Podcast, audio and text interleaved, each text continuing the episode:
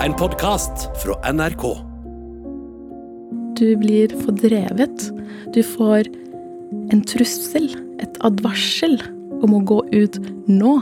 Og du har ikke tid til å tenke, fordi beskjeden er ofte 'vi bomber om fem minutter'. Du planlegger ikke. Du planlegger, planlegger ikke å forlate huset ditt. Som så mange andre har jeg fulgt krigen i Midtøsten fra dag til dag, i nyhetssendinger, på nett, og bildene har brent seg fast. Av familier med små barn som kommer gående med det de eier og har, en bestemor og et barnebarn som vifter med et hvitt flagg uten nytte. Også bildene av bygninger og hjem som ligger i ruiner. Behovet for å komme bak bruddstykkene av historier blir større og større. Sahara Mohaisen er en kollega i kulturavdelingen i NRK, som jeg har vært på hils med i gangen, men ikke blitt kjent med før nå.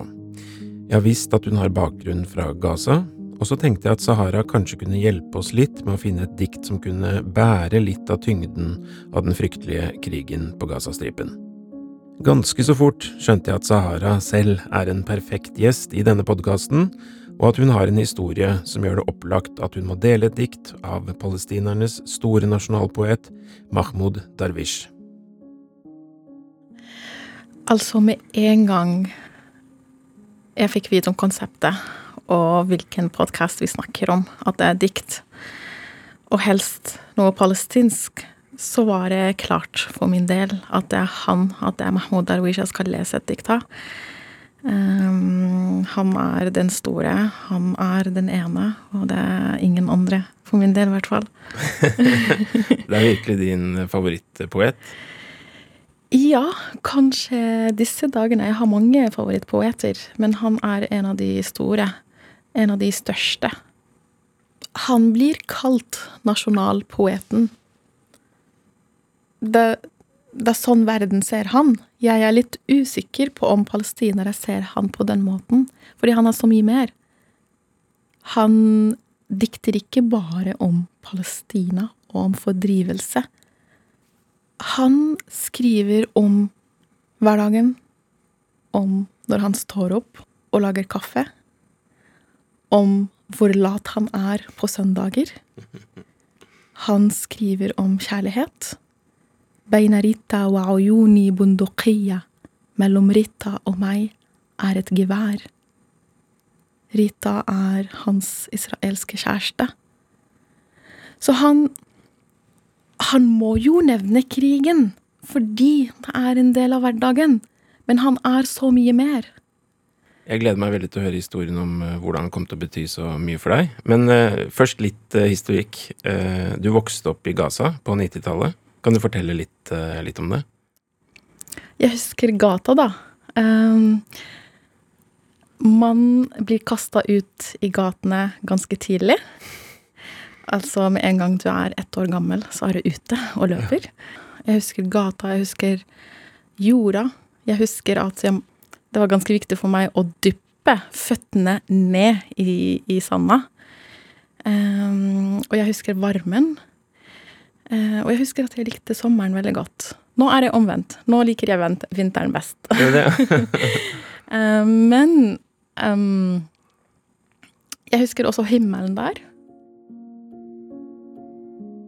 Når man ser de utbombede ruinene på Gazastripen i dag, er det vanskelig å skjønne at dette området også har hatt en eh, fungerende by.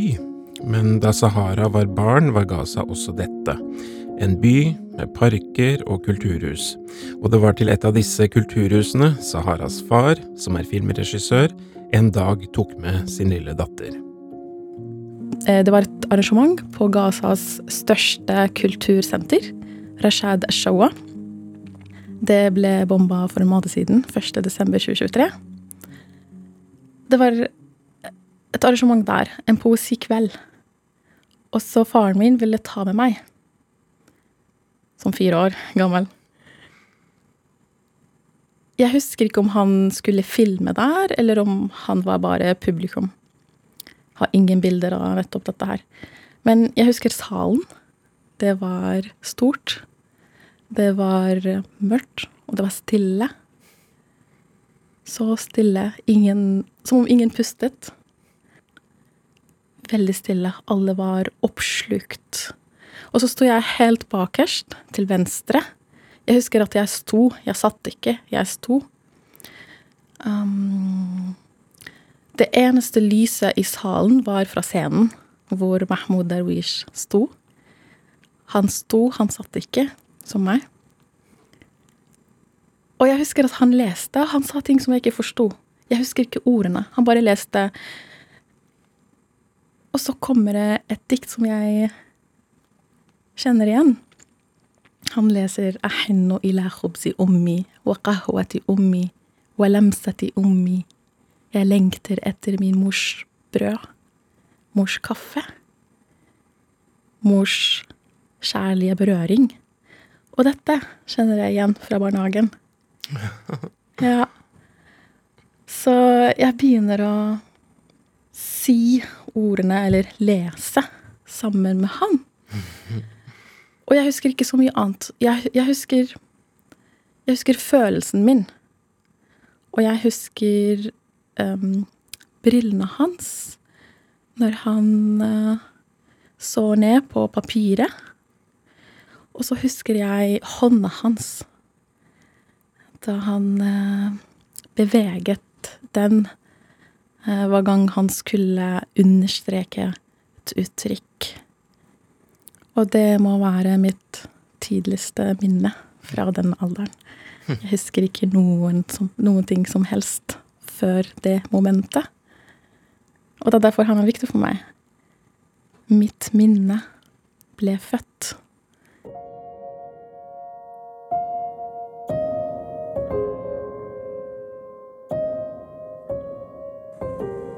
Og så var det en rar ting som skjedde. Han døde en dag før jeg forlot Gaza. 9. august 2008. Min far hadde søkt asyl i Norge. Og vi, resten av familien, hadde fått eh, opphold på grunn av han, så vi skulle ut. Og vi reiste ut 10. august 2008, dagen etter Mahmoud Darwish døde. Vi hadde folk på besøk hos oss for å ta farvel.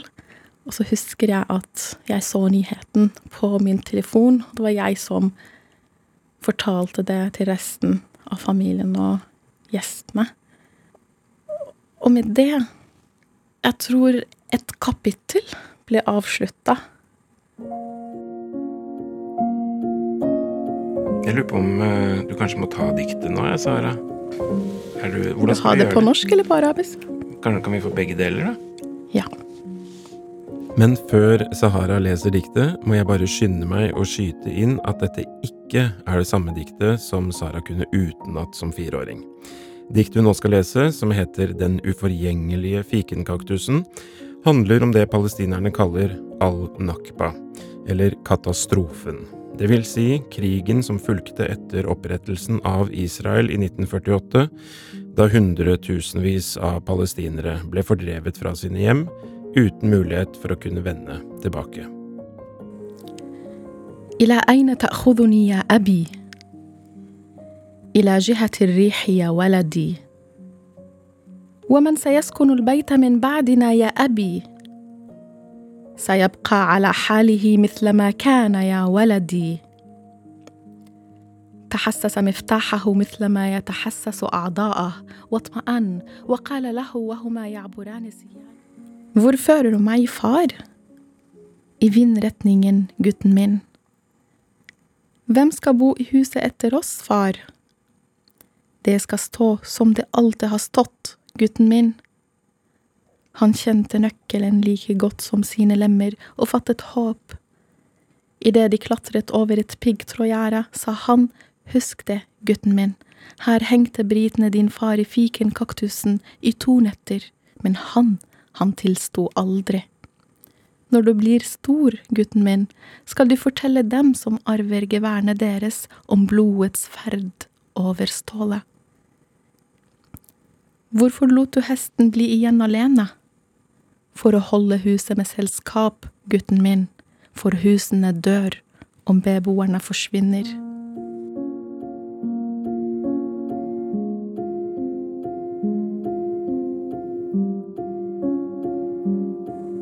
Jeg valgte dette diktet fordi det minner meg om hvem jeg er, om historien min, om den nøkkelen som min bestemor Da hun forlot Hamama. Bygda Hamama. Nøkkelen hun hadde med seg. Hun var 15 år. Nygift. Nettopp fått et barn. Hun løp med bestefar og et barn i armene. Og den nøkkelen Det er alle bestemødre i Palestina. De har den nøkkelen. Nøkkelen er et palestinsk symbol. Det illustrerer et håp om å gå tilbake til sitt hjem, til sitt land. Diktet begynner med en scene mellom far og sønn. En liten dialog. Et spørsmål. Og så har jeg svaret noe som har med vindretningen å gjøre. Det var nydelig, da. Hva, hva, hva legger du i den lille dialogen der? Dette illustrerer når du får beskjed om at du må forlate huset ditt nå. Du har ikke tid til å tenke, du må bare løpe for livet ditt. Han i det diktet, han tar sønnen, og sønnen vet ikke hvor de skal. Vindretningen er det du ikke vet, du bare løper. Du vet ikke hva du løper til, men du vet hva du løper fra. Og du løper fra kulene og bombene. I dette diktet så forlot de hesten hjemme. Ja. Altså, gutten løp sammen med sin far, men han glemte ikke eh, hesten. Hvorfor er hesten alene? spør han. Og faren tror at de skal tilbake. Jo, for å holde huset med selskap. Og jeg har sett på nyhetene folk som forlater huset, og de har katten sin hjemme. Men så går de tilbake to dager senere for å hente katten fordi de har blitt usikre på om de en dag vil kunne gå tilbake eller ikke. Så tankegangen og mentaliteten, den skjønner du? Den sitter i kroppen. Jeg forstår den. Når du flykter, så Eller når du blir fordrevet, så forlater du huset ditt under bombene. Og du tar med nøkkelen din, og du tror De sier til deg det her er midlertidig. Vi skal fikse i dette området, vi skal drepe noen i dette området. Og så skal du komme tilbake når vi er ferdig. Så du tar med deg nøkler og håp. Og så setter du opp et telt der du kom. Og så venter du på å dra tilbake. Men historien har jo vist at de som blir fordrevet, de går jo ikke tilbake. Det er noen som velger å ikke gå ut, da. Da går det ikke bra. Det går ikke bra. Det går ikke bra med alle som forlater husene sine heller. Nei. Denne gangen kan det se ut som den nådeløse bombingen i Gaza vil gjøre det helt umulig for palestinske familier å vende hjem. Stedene fra Saharas barndom er i ferd med å bli utslettet, deriblant huset hun og familien forlot. Ja, jeg fikk en video for eh, to måneder siden. Så den eh, ligger på bakken. I ruinene nå. Så akkurat nå så har jeg ikke et hus heller i Gaza. Så jeg har bare disse minnene. Det er jevnet med jorden. Deler av det, i hvert fall. Mm. Men hele nabolaget. Um, min mor fikk en video fra en i nabolaget som viste alle husene.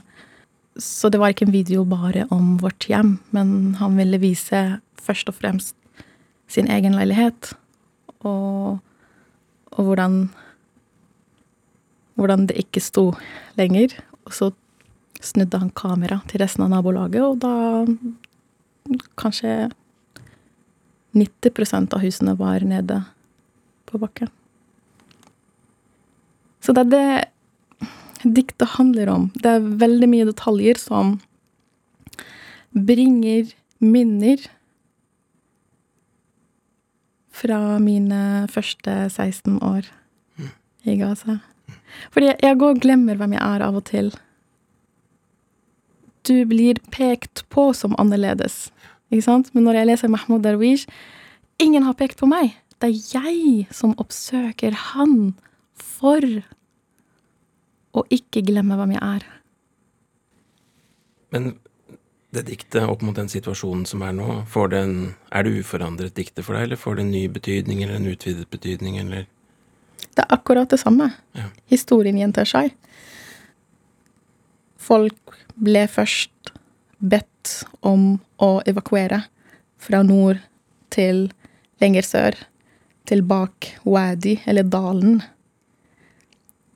Og etter noen uker så ble de bedt igjen, de som er bak dalen, om å evakuere enda lenger sør, til Khan Yunis, og enda lenger sør, til Rafah. Så man blir fordrevet flere ganger i dag. Folk ble fordrevet én gang i 1948, men akkurat nå så blir du bedt om å evakuere flere ganger. Du rekker ikke å sette opp et telt, så må du ta det ned. Bære det til det nye stedet.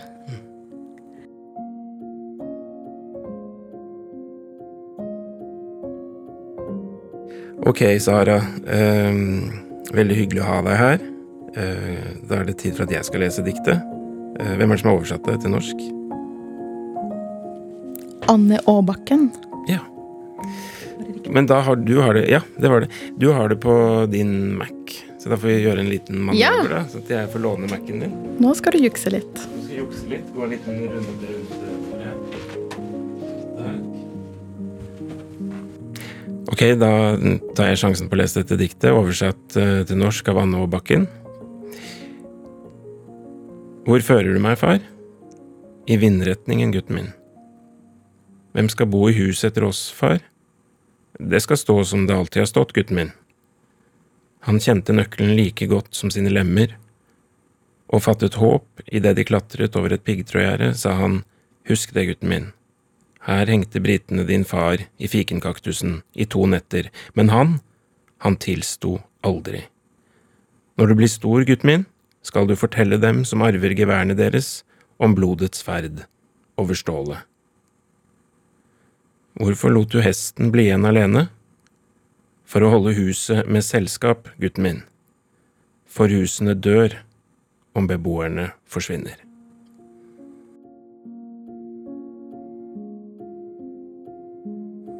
De gjør det. De gjør det. Denne podkasten er laget av meg, Hans Olav Brenner, Kristine Lossius Torin og Janne Kjellberg.